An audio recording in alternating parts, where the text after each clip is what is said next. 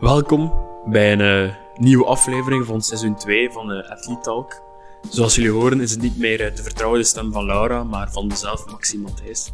Ik ben de nieuwe host van seizoen 2. Voor seizoen 3 zullen we het nog zien of ik het nog zal zijn. Maar naast mij zit co-founder Dries van Meijraken. direct al prestatiedruk. Ja, ja inderdaad, inderdaad. We zitten hier vandaag in het Proximus Basecamp, ook wel gekend als de trainingsvelden van de Duivels. En we zitten hier naast uh, Matteo Baljou. Uh, Matteo, kan je eens even jezelf uh, kort beschrijven? Zeker. Um, dus ik ben Matteo Baljou. Ik uh, werk sinds twee jaar bij de Voetbalbond rond alles wat te maken heeft met data en insights, als het ware. Dus aan de ene kant heb ik een academische achtergrond, waardoor dat ik verantwoordelijk ben voor het hele knowledge center luik van de Voetbalbond. En daarnaast ben ik ook volop bezig met alles wat te maken heeft met data bij de Voetbalbond uh, is er heel veel data beschikbaar die op verschillende vlakken gebruikt wordt. En uh, daar probeer ik ook mijn, mijn dingen te doen. Ja, ik denk dat de mensen nu vooral gaan denken aan eventdata van op het veld, de, de, de Y-scouts en de statsports van deze wereld, maar denk niet dat het die data is dat je mee bezig bent. Nee, dat klopt. daar hebben we specifieke teams voor die daarop werken. Mijn rol zit hem meer in het uh, business gedeelte rond het voetbal, het, uh, het marketingstuk, het uh, commerciële stuk, het social gedeelte, alles wat daarmee te maken heeft. Het is, het is zeer belangrijk dat die poot eigenlijk ondersteuning kan bieden aan onze primaire doelstelling, namelijk voetbal first. We willen het voetbal in België doen groeien. Aan de ene kant willen wij meer mensen in het voetbal betrekken als speler, als trainer als referee. En aan de andere kant willen we natuurlijk ook toernooien winnen met onze professionele teams. En daarvoor heb je ook fans nodig die die ploegen aansturen, uh, aanmoedigen, die producten kopen. Want alle revenue die je dan genereert, die kan je dan weer gebruiken om de sport te doen groeien. En het is meer in die pot uh, dat ik uh, die data ga gebruiken om, om dat verhaal te, doen, te, te realiseren. Mhm. Oké, oké, heel interessant. Um, de reden waarom we vandaag hier uh, met jou zitten, is omdat je hebt meegewerkt aan een, uh, een, uh, een, artikel dat onlangs verschenen is en op, op Sportza. We praten over een beetje de verloop van trainers, van ex-voetballers die trainer willen worden, hoe dan die best aan die positie geraken. Um, ja, je kent het artikel beter als mij, want je hebt eraan meegeschreven. Kun je dat ook eens een beetje uitleggen, wat er eigenlijk in gezegd is en wat er eigenlijk een beetje uit ontstaan is? Ja, dus uh, vorig jaar hebben wij vanuit de Voetbalbond een uh, communicatie ook gedaan met onze hoofd van de trainersopleiding, Chris van der Hagen, waarin dat we gekeken hebben naar hoe zit het nu met de Belgische trainers. En een van de bedenkingen die wij ons al lang maken, maar die wij eigenlijk nooit hard 100% met data hebben kunnen staven, is wat is nu het ideale voortraject om een succesvolle trainer te worden. En je ziet dat daar verschillende paden bewandeld worden. En in elk pad zijn wel uh, succesvolle voorbeelden te vinden. Maar misschien tonen de grote datasets wel andere patronen dan die die je op het eerste zicht kan zien. En het is net daarom dat we een studie gedaan hebben samen met Stijn Baart uh, van de UGent uh, als promotor en met een, een, student van Stijn Baart, Marco Verheugen die zelf ook heel hard uh, into voetbal is, om nu eens te gaan kijken, wat zeggen nu eigenlijk de data? En uh, ik zei het al, we hebben bij de Voetbalbond heel veel data, dus ook de data van onze traineropleidingen.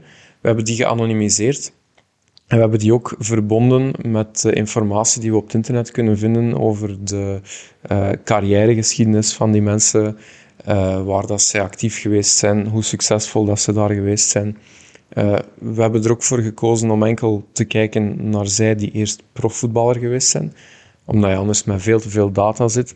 En een, een heel belangrijk ding dat eigenlijk achter die studie zit, is ja, je gaat succes gaan meten, maar je wil alle personen hebben. Dus je wil niet enkel degene hebben die succesvol waren.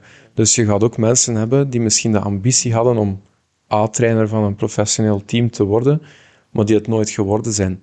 En ja, je kan niet al die 200, 400, 500 mensen gaan vragen, uh, had jij die ambitie?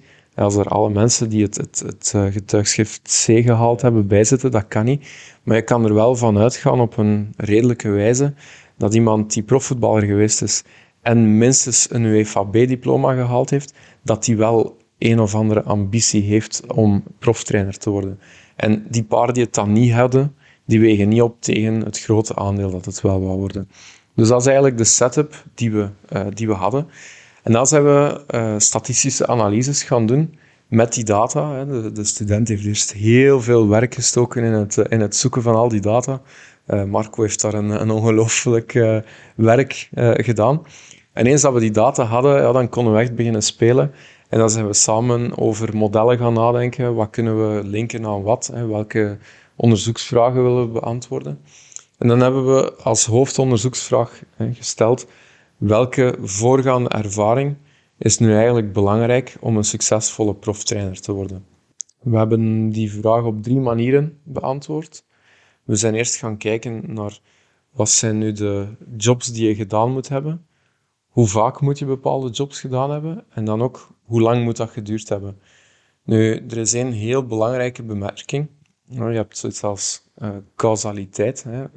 Uh, omdat dit gebeurt, volgt dat. Door de specifieke setup die wij moeten gebruiken hebben, hebben we geen causaliteit kunnen, uh, kunnen gaan meten. Omdat je, je hebt data uit het verleden en je bekijkt gewoon de correlatie tussen twee events. Um, je steekt daar natuurlijk ook heel wat redeneringen achter die de plausibiliteit verhogen. Maar je kan nooit causaliteit gaan claimen met wat wij gedaan hebben. Dan moet je in een onderzoekssetup komen waarin dat je op de een of andere manier kan zien eerst heeft hij dat gedaan en dan verander je iets. Ja. En is het door die verandering dat hij succesvoller wordt of niet? Hier kan je gewoon kijken, oké, wie blijken nu de meest succesvolle te zijn? Maar als eerste studie is dat al een heel belangrijke. En omdat de resultaten heel consistent zijn, heel coherent zijn, ja, heb je wel een sterke conclusie om te brengen. En wat komt daar nu uit naar voren?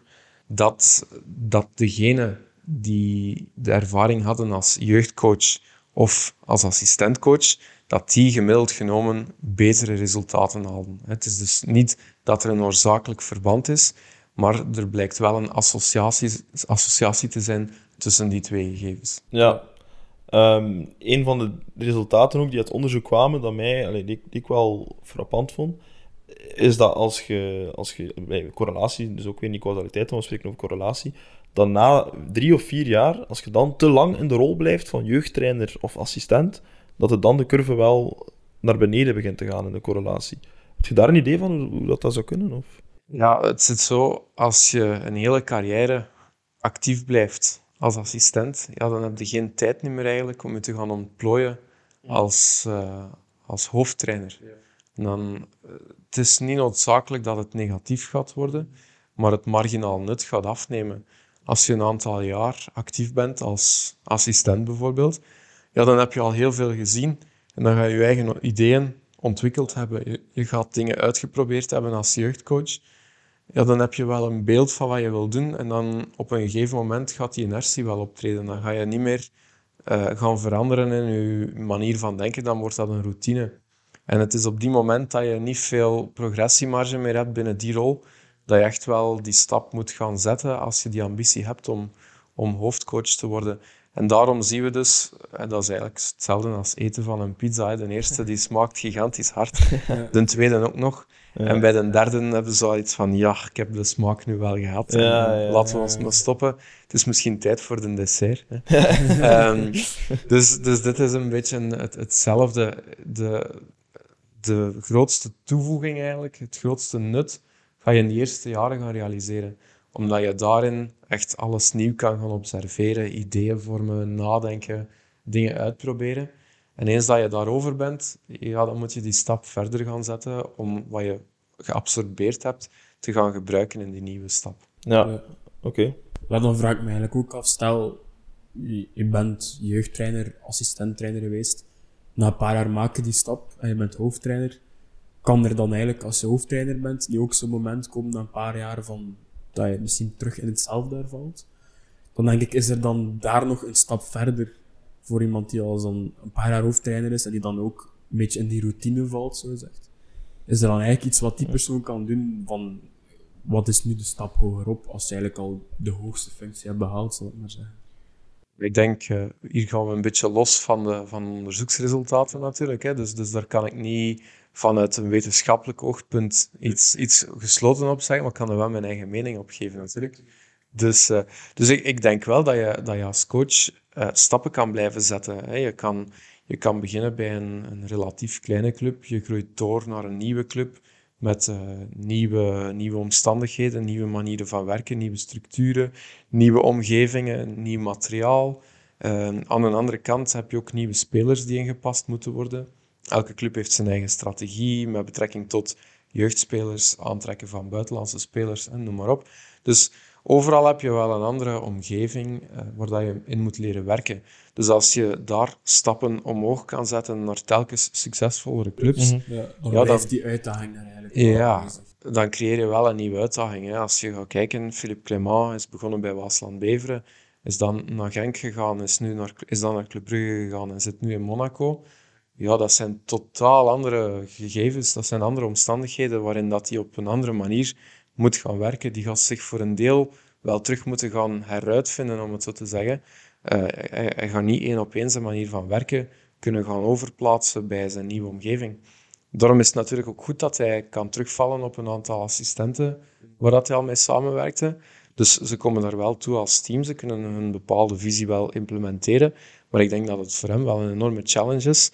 Hoe reageert de nieuwe omgeving op wat ik gewoon ben? Want een andere omgeving, een andere cultuur, een andere manier van werken, andere clubstrategie, noem maar op. Ja, dat zorgt toch wel voor, voor de nodige flexibiliteit die je moet hebben. En ik denk dat dat ook iets is wat je, wat je kan leren uit een positie als assistent of als jeugdtrainer. Je kan er heel veel verschillende dingen testen en je kan ook kijken wat werkt in welke omstandigheid. En als je dan ergens nieuw komt, dan heb je een veel breder gamma eigenlijk in je marge om, um, om, daarmee, om daaruit te gaan puren en dingen uit te proberen en snel aan te passen als blijkt dat iets bepaald niet werkt of, of dergelijke meer. Als ik daarop kan inpikken, ik denk dat Philippe Clement is een heel goed voorbeeld van een trainer die die stappen heeft doorlopen en die ook allee, perfect aansluit met wat jullie net hebben onderzocht eigenlijk. Maar ik denk dat ook niet heel veel mensen weten dat Clement van in het begin bij Waasland Beveren tot en met nu in Monaco met dezelfde assistenten heeft gewerkt. Dus met Johan van Rumst en met Jonas Ives.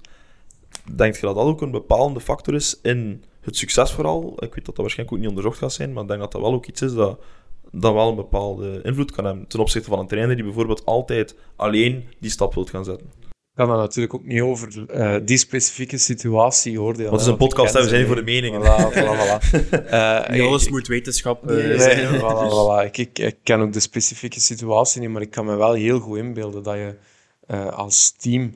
Je, een trainer draagt uiteindelijk een eindverantwoordelijkheid, maar als die ondersteund wordt door mensen waar dat hij blind op kan vertrouwen, en ook omgekeerd, die mensen die weten wat ze moeten aanleveren, hoe dat ze met elkaar kunnen samenwerken als dat een hecht team is, waar dat die hiërarchie binnen dat team misschien een beetje verdwijnt, maar waarin dat wel een sterk figuur de eindverantwoordelijkheid draagt, en die dat ook gewoon is, dat je, dat je de sterktes van alle personen binnen dat team kan gebruiken om samen successen te gaan realiseren.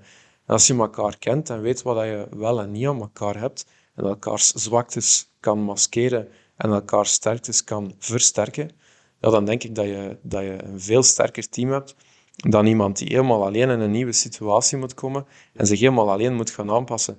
Wat cruciaal is daarin, lijkt mij, is dat je een hoofdtrainer hebt die ook luistert naar de mensen die ja, organigrammatig onder hem staan, maar misschien in de realiteit hopelijk naast hem staan. En dan, dan valt hij ook niet helemaal alleen op zichzelf. Dus daar kan je echt wel de sterkte van een, een team gaan gebruiken. Aan de andere kant zou je ook kunnen denken, maar ik kan dat ook weer niet, niet bewijzen, hè, maar het kan misschien ook wel nuttig zijn om na x aantal jaar misschien eens met iemand anders te gaan samenwerken. En dat is ook wel iets wat je ziet bij, topclubs. Um, als je de evoluties ziet van trainerstafs, bijvoorbeeld van Mourinho of Ancelotti, hè, die hebben toch heel wat topclubs gedaan, dan zie je altijd een bepaalde constante in assistenten die ze meenemen. Maar om de zoveel tijd steken ze daar wel eens iemand anders tussen van een, van een eigen club, omdat hij ook die omgeving van die club kent. En dan ga je twee dingen zien. Het kan zijn dat die mayonaise heel goed pakt en dat die persoon op termijn mee blijft volgen naar nieuwe etappes.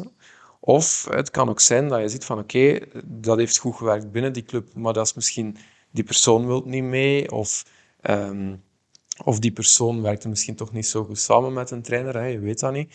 Uh, maar dat je dan wel gaat zien van oké, eh, ik laat die persoon dan wel weer achter bij de club waar dat hij was, die blijft daar en ik steek terug iemand van vroeger in mijn staf. Mhm. Of ik zoek iemand nieuw. Hè, dat, dus je ziet vaak de combinatie van die twee dynamieken, omdat je, als je altijd binnen diezelfde volledige comfortzone blijft, dan denk ik dat je ook weer iets minder die challenge hebt als hoofdcoach. Dus ik denk dat een combinatie van die twee uh, zeker wel nuttig is. Ja, het is een heel goed voorbeeld van Mourinho, want ik weet van hem dat uh, hij, hij heeft effectief altijd een Portugese staf. Dus allee, hij is heel gesteld op, zijn, op de mensen met een bepaalde opleiding, een bepaalde achtergrond. Maar eh, ja, als hij naar een nieuwe club gaat, gebeurt het wel vaak dat er sommige assistenten niet meegaan en dat hij een nieuwe assistent uit Portugal meeneemt. Dus ik weet bijvoorbeeld bij Tottenham heeft dat gedaan, uh, met Joao Sacramento. Um, en die is nu wel mee, mee, weer naar Rome gegaan. Dus denk inderdaad voor, voor, voor je omgeving dat het altijd wel goed is om nieuwe jonge mensen met frisse ideeën te gaan integreren. Om zo ja, ook als hoofdtrainer constant te blijven uitgedaagd te worden. Denk dat er niets beter is als iemand die de eindverantwoordelijkheid heeft, die ook constant gepusht wordt door de mensen die ja, volgens hem ook naast hem staan, maar naar de buitenwereld toe misschien net achter.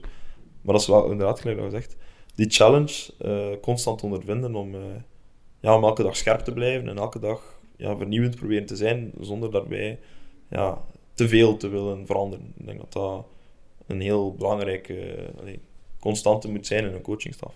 Mm Ja, klopt. Ik vind ook wel, um, omdat er juist bezig waren over Philippe Clement, die mij eigenlijk aan iets anders denken. Nu dat hij naar Monaco is gegaan, is hij eigenlijk de enigste Belgische trainer die zich momenteel in het buitenland bevindt. Waar daar, als ze, lijkt dat wij Belgen al vaak doen, dus vergelijken met ons buurland Nederland, als we daar naartoe kijken, die hebben wel veel coaches in het buitenland. Ik zeg maar Louis van Gaal, die bij Manchester United heeft gezeten. Uh, Ronald Koeman, ook wel iemand die nu niet meer bij de ploeg zit, maar Barcelona heeft gezeten, maar eigenlijk zowel in het heden als in het verleden altijd wel een aantal coaches heeft gehad in het buitenland. Ja, hoe, hoe komt dat dan eigenlijk dat, dat wij als Belgen nu maar één pion hebben in het buitenland, zijn de Philippe Clement, dat dat eigenlijk niet voorkomt dat wij echt veel coaches hebben in het buitenland. Ik denk dat we er nog een paar hebben. Hè. Uh, Mark Wilmots, uh, onder andere okay. Hugo Broos. Uh, we hebben er wel een, een, paar en we hebben er in het verleden ook wel wat gehad. En ik ben er ook zeker van dat we er nog wel gaan vinden. Ja, dat is een moeilijke. Ik kan daar niet echt een, een reden op plakken hoe dat, dat komt. Maar ik denk dat onze Belgische coaches in het verleden zeker al wel getoond hebben dat ze, dat ze goed werk leveren. Uh, dat is hier bij ons ook op een heel goede wetenschappelijk onderbouwde manier uh, opgeleid worden. je hebt ook de, de UEFA-opleidingen die, die er toch wel voor zorgen dat er een, een, een stuk vergelijkbaarheid is tussen de verschillende landen, met dan uw eigen accenten daarin. Dus ik, ik denk wel dat de, dat de Belgische coaches een kansen moeten krijgen, maar dat begint natuurlijk in uw eigen land. Je, je hebt daar idealiter de kansen voor je eigen trainers. En als zij het in je eigen land goed doen, dan kunnen ze van daaruit weer die stap naar het buitenland gaan zetten. Dus ik denk dat dat een, een heel belangrijk uh, kader is. En, uh, en coaches die, uh, die openstaan om te leren van andere omgevingen, denk ik dat daar een, een heel groot voordeel in hebben. Ik denk ook het feit dat wij in België vrij goed zijn met talen, moet ook wel iets zijn wat wij moeten kunnen gaan uitspelen in de toekomst. Dat is juist. En ik denk trouwens dat je een trainer zijn vergeten. Zit naast u. Ah ja, ja, de ene echte Dries van. Maar staat op Wikipedia. Zolang dat je geen T1 zet, ja, okay, dat, dat klopt wordt wel. hier niet vernoemd. Dat klopt wel, maar staat wel, staat wel, op, staat wel op Wikipedia. Echt? België en het Deense voetbal. Moet echt eens opzoeken. Heeft er iemand mij bijgezet. Oké, okay, dat is ook uh, interessant voor de luisteraars. Ja. Dus zeker eens opzoeken België in het Deense voetbal. En hoe zit het met uw Deens? Met Deens... Uh, ja. Ja, ja Telerectigo Densk. Men, uh... Zeer zeker. Ja, ja. Wordt dat ook ondertiteld? dat gaan de mensen niet begrijpen, denk ik. Nee, maar allee, het, is heel grappig dat je het zegt. Want ik sta nu ook in de, in, over die talen. Hè. Um, bij de club nu, in, bij Midtjylland, sta ik er ook onbekend als de gast die veel talen spreekt. En dat is inderdaad echt een sterkte dat wij, dat wij eigenlijk als Belgen beter zouden moeten kunnen uitspelen, zeker in het buitenland. Want communicatief hebben wij wel een voordeel op veel landen. Ik merk dat nu bijvoorbeeld ook als er transfers komen, of spelers uit bijvoorbeeld uh, ja, Ivoorkust uh, komen er nu een paar, of van Cameroen. Die jongens komen nu ook eerst bij mij. Omdat zij, ja, bij de, voor het Frans, omdat ja, in Denemarken en Scandinavië zijn er niet veel mensen die Frans spreken. Bijvoorbeeld als er dan een medische screening is of zo, of, of zelfs in de kleedkamer bij, bij U19, moet ik mee in de rust voor die jongens mee gaan vertalen. Want ja, die spreken ook niet zo goed Engels. Totaal nieuwe omgeving voor die mannen. En allee, wij ook in België zijn het ook gewoon om, om naast die talen ook nog met meer multiculturaliteit om te gaan. Dat is ook belangrijk. En dat is ook iets waar wij ook beter mee om kunnen. Als sommige landen merk ik nu ook door daar te werken. Ehm, dus dat klopt. Ik denk dat... Het, we spreken nu over de Nederlanders. De reden dat de Nederlanders volgens mij zo populair waren als buitenlandse coaches, is omdat ze een bepaalde voetbalidentiteit hadden. Ja. Maar ik denk dat wij nu als België, als land dat nu ook op de Wereldbeker en op Europese kampioenschappen hun voet naast de grote landen begint te zetten, die trouwens ook veel meer inwoners hebben. Ook echt wel een belangrijke factor, denk ik. Ehm, dat wij nu ook wel een bepaalde identiteit naar buiten kunnen brengen en ook kunnen gaan tonen van ja, dit, is, dit zijn wij als Belgische trainers. En ik hoop, ja, ik zit natuurlijk zelf in de wereld, maar ik hoop echt op termijn dat we dat echt wel kunnen gaan uitspelen. Dat we ook inderdaad meer trainers gaan zien die die stap durven zetten en, en een verschil kunnen maken. Ehm, want ik ben er 100% zeker van dat wij heel veel troeven hebben hier om, uh, om dat te doen. Ja, klopt, klopt. Ik denk een andere factor die daar heel belangrijk in wordt, is het, uh, het, het, dataverhaal. Hè, om daar dan op terug te komen. Uh, je ziet, je hebt zo typisch de Duitse school, hè, een Nagelsman en, en dergelijke meer, die, die heel bekend zijn om hun data-analyses en, en het crunchen van die data en de data laten spreken ik denk dat wij daar in België ook een belangrijke rol in kunnen spelen als wij die combinatie hebben met het communicatieve, met onze visie op voetbal. We hebben toch in, in België ook wel een mooie, rijke geschiedenis. Mhm.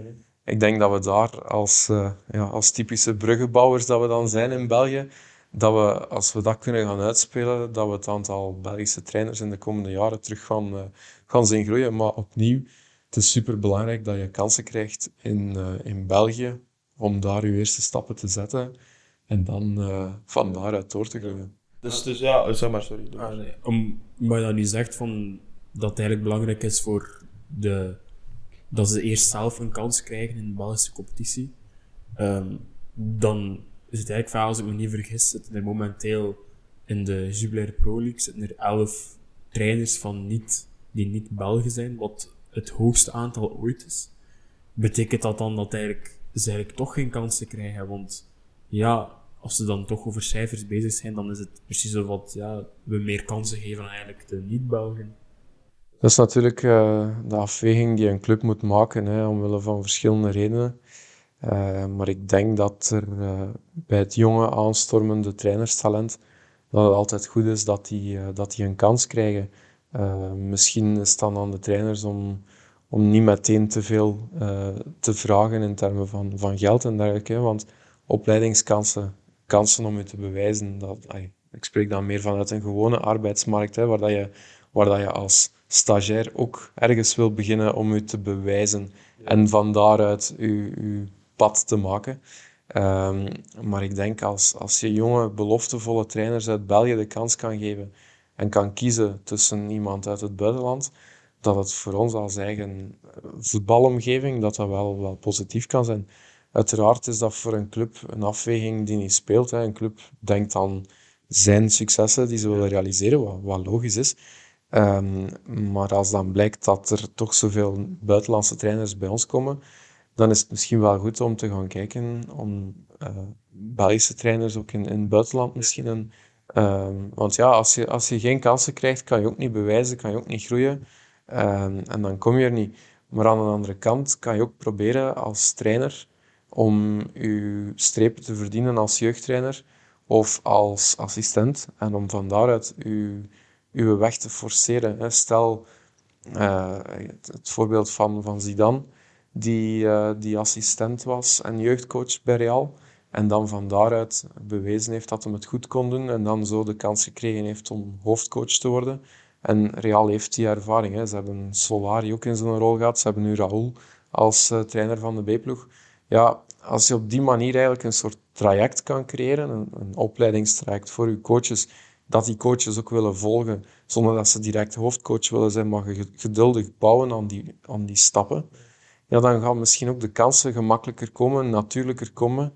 En dan ga je op een, op een snellere manier um, die kansen gaan forceren. En dan is het niet het verhaal dat je uh, vanuit het niets een, um, een nulverhaal hebt en een kans moet geven aan een Belgische hoofdtrainer. Stel dat je, dat je in een situatie zit waarin, dat je, een Belgische, of waarin dat je een hoofdtrainer hebt en een Belgische assistent-trainer, de hoofdtrainer wordt ontslagen, dan kan je er als club misschien voor opteren om die assistent, nadat hij genoeg ervaring heeft, te promoten naar hoofdtrainer en hem een kans te geven. En dan moet je ook niet hals over kop naar iemand nieuw die de club moet leren kennen binnen een seizoen. Dan kan je die persoon misschien een half jaar de kans geven, zien dat dat loopt en van daaruit verder kijken. En blijkt dat die club dan misschien toch iemand anders wil brengen, dan heeft die hoofdcoach wel getoond wat hij waard is en kan hij daarmee misschien weer andere aanbodbrieven voorleggen voor andere Belgische clubs. Ja, ja inderdaad. Um, denk even terug ook aan, aan het voorbeeld dat je daarnet gaf van Julian Nagelsman. Als we kijken naar zijn achtergrond, dan zien we eigenlijk ook iemand dat geen prof is geweest, die alle jeugdreeksen heeft doorgelopen, van, van ik denk dat Stuttgart erbij zat, dan Hoffenheim. Um, en uiteindelijk, ja, nu de coach van Bayern is gelijk dat we hem kennen. In uw onderzoek heb je inderdaad dus niet gepraat over niet-profs die trainers worden, maar denk je dat er in België ook toekomst is voor mensen die niet prof zijn geweest om een dergelijk traject, gelijk een Julian Nagelsman, wie natuurlijk uiteraard een uitzonderlijk talent is, maar ook om zoiets te doorlopen. Zoals een Dries van Meijra die niet prof is geweest. Nee, niet prof is geweest, jammer genoeg niet, nee. Ja, ik denk sowieso dat, je, dat die ervaring als prof niet noodzakelijk doorweegt. We hebben, eh, we hebben ook een aantal mensen geïnterviewd achteraf uh, na onze studie. Hè. Uh, Raúl González, uh, onder andere, we hebben Roberto ook gesproken. Zij gaven dat ook aan. Uw ervaring als speler is voor hen niet doorslaggevend om een goede coach te worden. Je hebt zo andere uh, technieken, andere talenten is misschien niet het juiste woord, maar andere skills nodig om een goede coach te zijn dan uh, dat je een goede speler was. Je hebt natuurlijk wel een, een unieke positie gehad om bepaalde dingen te observeren, te leren kennen, uh, te voelen of na te denken over hoe werkt een bepaalde stijl van coaching bij mij als speler, hoe komt dat binnen, hè, dat soort dingen. Maar je moet als trainer zoveel andere dingen doen, met mensen omgaan, luisteren, observeren hoe dat iets van jou binnenkomt bij iemand anders.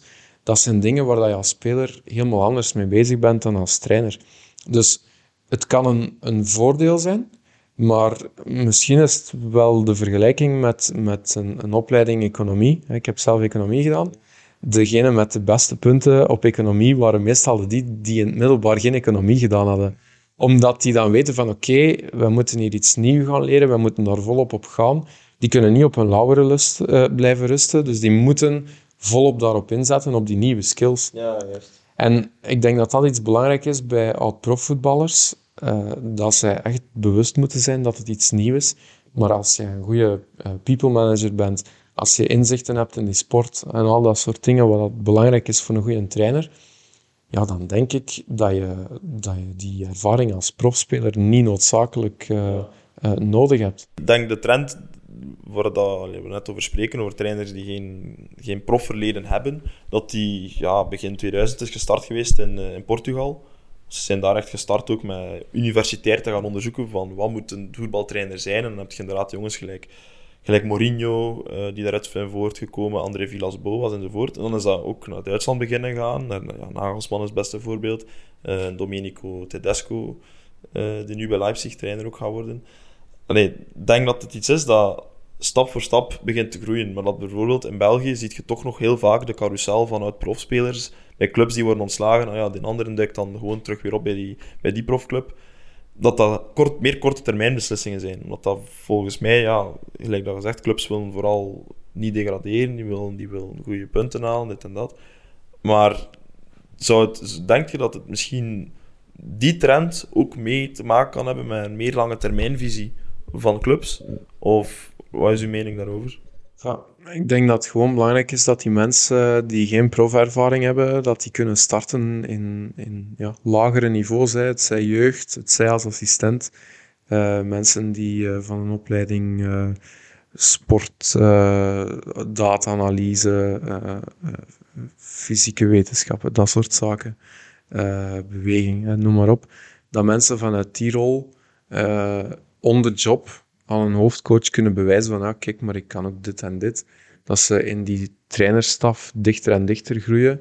En dat ze dan op het moment dat ze daar klaar voor zijn en de nodige opleidingen gevolgd hebben, dat ze dan van daaruit ook die stappen kunnen zetten. En ik denk dat we, we hebben wel een aantal voorbeelden van mensen die niet uit een, uh, uit een prof-speler-ervaring uh, komen, die, die het toch uh, ver ja, brengen in het, in het ja, bredere trainersverhaal. Ik kijk naar Chris van Buivelde, om er maar één te noemen, die, uh, die van hier komt hè, bij de Bond uh, als technisch directeur en nu in China zo'n grootmacht zelfs het technisch verhaal leidt. Ja, dat zijn ook mensen die dat traject gedaan hebben en die door, door niet uit het voetbal te komen, hebben misschien andere kwaliteiten. Ja. en, en dat werkt in de twee richtingen. Hè. Mensen die uit het voetbal komen in de bedrijfswereld stappen. En dat, dat kunnen breder trekken dan voetbal alleen. Hè. Topsporters die hebben zo'n aantal specifieke kenmerken die hen op de arbeidsmarkt zo aantrekkelijk maken voor andere bedrijven. Ja, andersom kan je als uh, niet-topsporter kan je ook een aantal skills meebrengen die ze misschien als sporter minder ontwikkeld hebben en die jou een, een voordeel kunnen geven. Maar dan staan jou als trainer uiteraard om daar goed over na te denken. Wat zijn die skills? En daarop eh, op in te zetten en die ook duidelijk te maken om u te marketen, hè, als het ware. En ik denk dat wij als bescheiden Belgen, dat we daar ook nog wel een stap in kunnen zetten om ons beter te marketen en, uh, en zo ons marktaandeel te vergroten. Ja. ja. Kan je dan misschien nog een... Uh... Ah, ik heb wel, ik heb wel nog een vraag. Oké, okay, okay, ik dacht dat jij nog een keer iets wil zeggen, want je zei zo stil. Nee. Dat is niet van uw gewoonte. Het is een stille host. Ja, ja. nee, het is, ook, het is ook niet echt mijn vakgebied. Nee. is uw eerste dag. Ik, ik, ik, moet iets meer studeren uh, over de informatie van de, uh, van de podcast van mij. Maar goed, maar je doet voorlopig nog goed, dus uh, geen Dank je, dank je. Mag ik nog blijven? Ja, gewoon Alsjeblieft. voorlopig nog wel. Anders hebben we geen host meer voor ons seizoen, dus dan hebben we sowieso een probleem. Nee, uh, maar ik aan zat te denken, denk je dat als we dit onderzoek hadden gedaan in andere landen waarmee we momenteel concurreren, ik denk bijvoorbeeld aan een Duitsland, een Frankrijk, uh, een Spanje, een Italië, denk je dat, we, dat er andere resultaten zouden kunnen uit voortgekomen zijn dan dat we nu het onderzoek in België hebben gevoerd? Ik denk uh, het, voorbeeld van Duitsland, hè, dan zie je heel vaak trainers die echt uit lagere klasses naar boven komen dat is iets wat dat bij ons niet uit de data gebleken is en waar dat ik ook puur naar de realiteit kijkend niet echt voorbeelden van kan vinden. Mm. Ik denk dat dat iets is wat je bijvoorbeeld in Duitsland misschien meer gaat zien. En vandaar dat het wel interessant zal zijn om dat onderzoek in meerdere landen opnieuw uit te voeren. Hè. Uh, hoe zit dat in een specifieke setup? Uh, en daaraan de specifieke setup ook uitgelegd, gekoppeld. Dat kan u heel veel nieuwe inzichten uh, geven. Dus ik denk dat er wel een aantal omgevingsspecifieke dingen uit naar voren gaan komen. Dat heb je bijna altijd. Maar ja, wat die dan exact zijn, dat is, dat is een moeilijke om, uh, ja. om te voorzien. Ja, want allee, de, de, reden waarom dat ik eraan dacht, is ook omdat je in, in bepaalde landen, gelijk Spanje en Duitsland, uh, Duitsland ben ik niet zeker, maar zeker Nederland ook, dat er bijvoorbeeld belofteploegen in tweede, derde klasse spelen. Iets wat wij nu ook gaan doen. En allee, er is heel veel positieve reactie op richting ja, doorstroming van de jeugd naar eerste ploegen en zo. Maar denk, denkt u ook dat dat een, een verschil kan maken voor de trainersopleiding, voor de trainerstrek? Dat daar ook een positieve invloed kan zijn door de...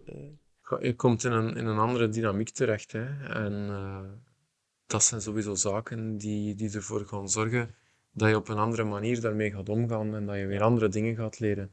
Dus ik denk dat er mogelijk wel een invloed kan zijn.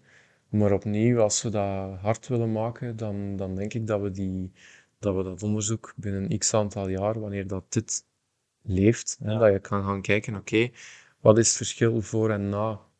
En dan ga je misschien wel iets gemakkelijker ook al richting causaliteit gaan gaan, specifiek voor dat, omdat je een situatie hebt, uh, je kan controleren voor bepaalde omgevingsfactoren, maar je hebt wel een verandering toegevoegd in je in je realiteit. Ja. En hopelijk kan dat dan ook weer wat zorgen voor meer causaliteit. Ja, oké.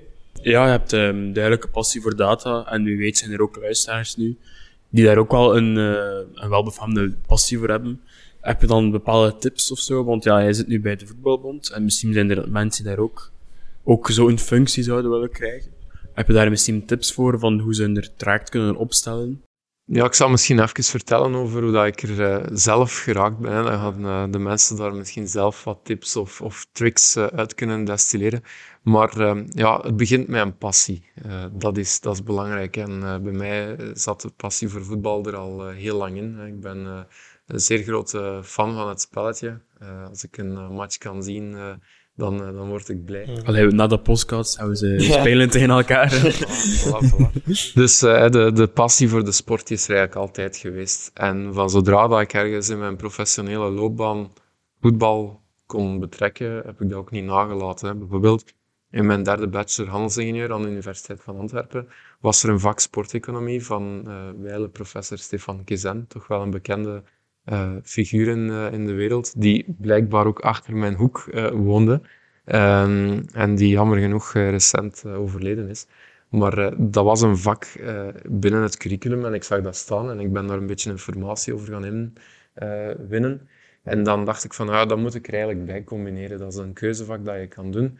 Als je echt een passie hebt voor het spel, ja, dan moet ik daarmee beginnen. En van daaruit is het eigenlijk allemaal verder gegroeid. Ik heb tijdens mijn opleiding dan een project gedaan voor Beeks Brussels, toen dat dan net opgericht is voor Vincent Company en hun management. Zij hebben mij dan uh, ook in contact gebracht met Thomas van den Spiegel. Die wou toen een studie uh, doen over financiële problemen bij profvoetballers. Die heb ik dan ook uitgevoerd, waardoor dat ik heel wat mensen heb leren kennen, weer nieuwe contacten. Um, via die contacten uh, bouw je weer andere contacten uit, krijg je nieuwe inzichten. En uh, met Thomas ben ik dan blijven samenwerken. De eerste studie heb ik gedaan tussen mijn diploma en de start van mijn doctoraat. Ik heb die studie ook gepubliceerd, maar dan hebben we gezegd, oké, uh, de volgende studie kan ik niet meer zelf doen, want ik moet aan mijn doctoraat werken, dat over transporteconomie ging. Maar mijn grote passie heeft altijd bij sport gelegen en ligt daar nog altijd. Um, dus wat heb ik gezegd? Oké, in plaats van de zoveelste transportthesis te begeleiden op de universiteit, waarin dat al zoveel gedaan is, um, ga ik mij focussen op het sporteconomie gedeelte, omdat er nog heel veel ruimte is om diezelfde technieken, die in andere economische domeinen allemaal al toegepast zijn, om die daar te gaan toepassen. En als ik dat met studenten doe, uh, hen goed begeleid, hen goed ondersteun, dan kunnen we iets gaan doen dat zowel wetenschappelijk als voor een bedrijf, zeker als we daar een bedrijfskooppromotor bij krijgen, van waarde is. En uh, op die moment was er ook geen prof meer bij ons die die thesissen begeleidde. Uh, professor Kezen gaf wel nog les, maar die begeleidde geen thesissen meer. En vandaar is dat dan gegroeid. En dat is begonnen met een eerste thesis over tennis met Thomas. Dan hebben we een volgende thesis gedaan over hospitality.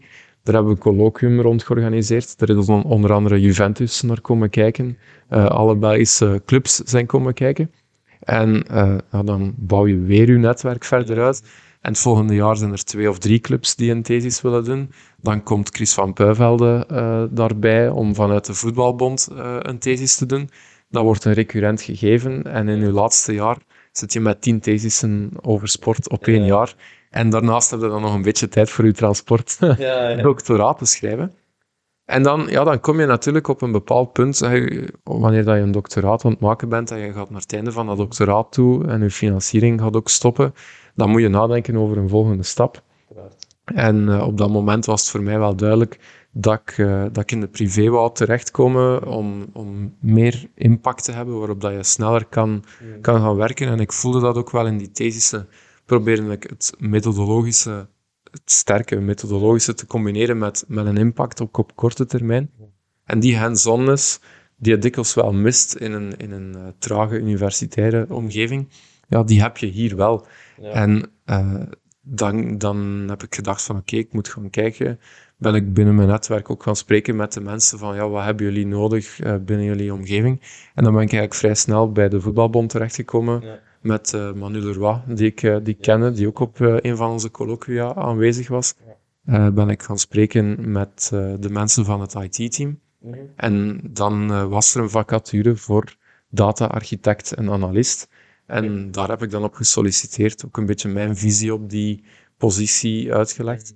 En, en dan zijn we gaan kijken, oké, waar staan ze met het project rond data-analyse, zowel consumentendata, waar dat we het er net over hadden, um, en waar willen we naartoe? En dan heb ik ook uitgelegd, oké, kijk, ik als handelsingenieur, ik ben gewoon om een brug te vormen tussen het technische en het businessverhaal. Mm Ik zie daar wel een deel van mijn, mijn rol in.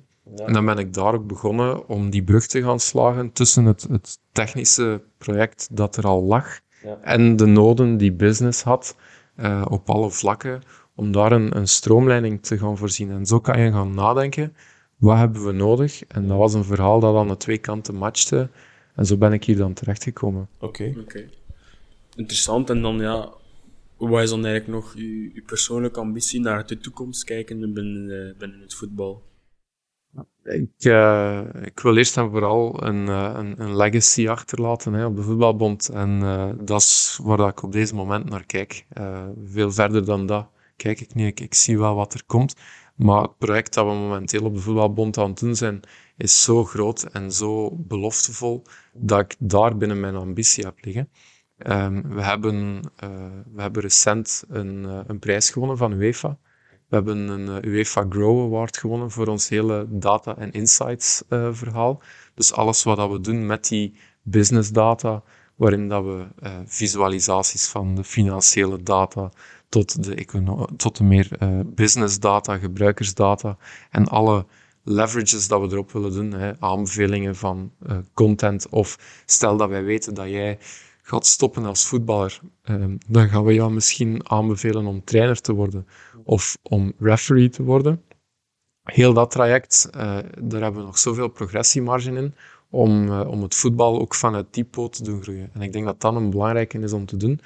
En dan aan de andere kant natuurlijk hebben we het Knowledge Center uh, dat ik beginnen uitbouwen ben. We hadden een, een samenwerking met, met IFBI van VUB. Dat was een eerste poot die opgezet was op het moment dat ik ook binnengekomen ben. Maar dan had uh, onze directeur marketing en communicatie, Manu Leroy, aan mij gevraagd om dat groter en breder te trekken. Ja.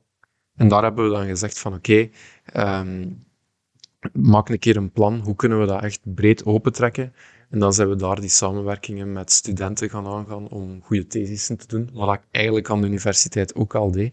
Om op die manier, op een efficiënte manier, goed onderzoek te gaan realiseren en ook weer kennis te creëren voor het voetbal. Dus ik denk, kort samengevat, aan de ene kant wil ik uh, zorgen dat we, dat we het voetbal verder professionaliseren vanuit kenniscreatie op de verschillende domeinen, business, sportief, legal, social uh, responsibility, noem maar op.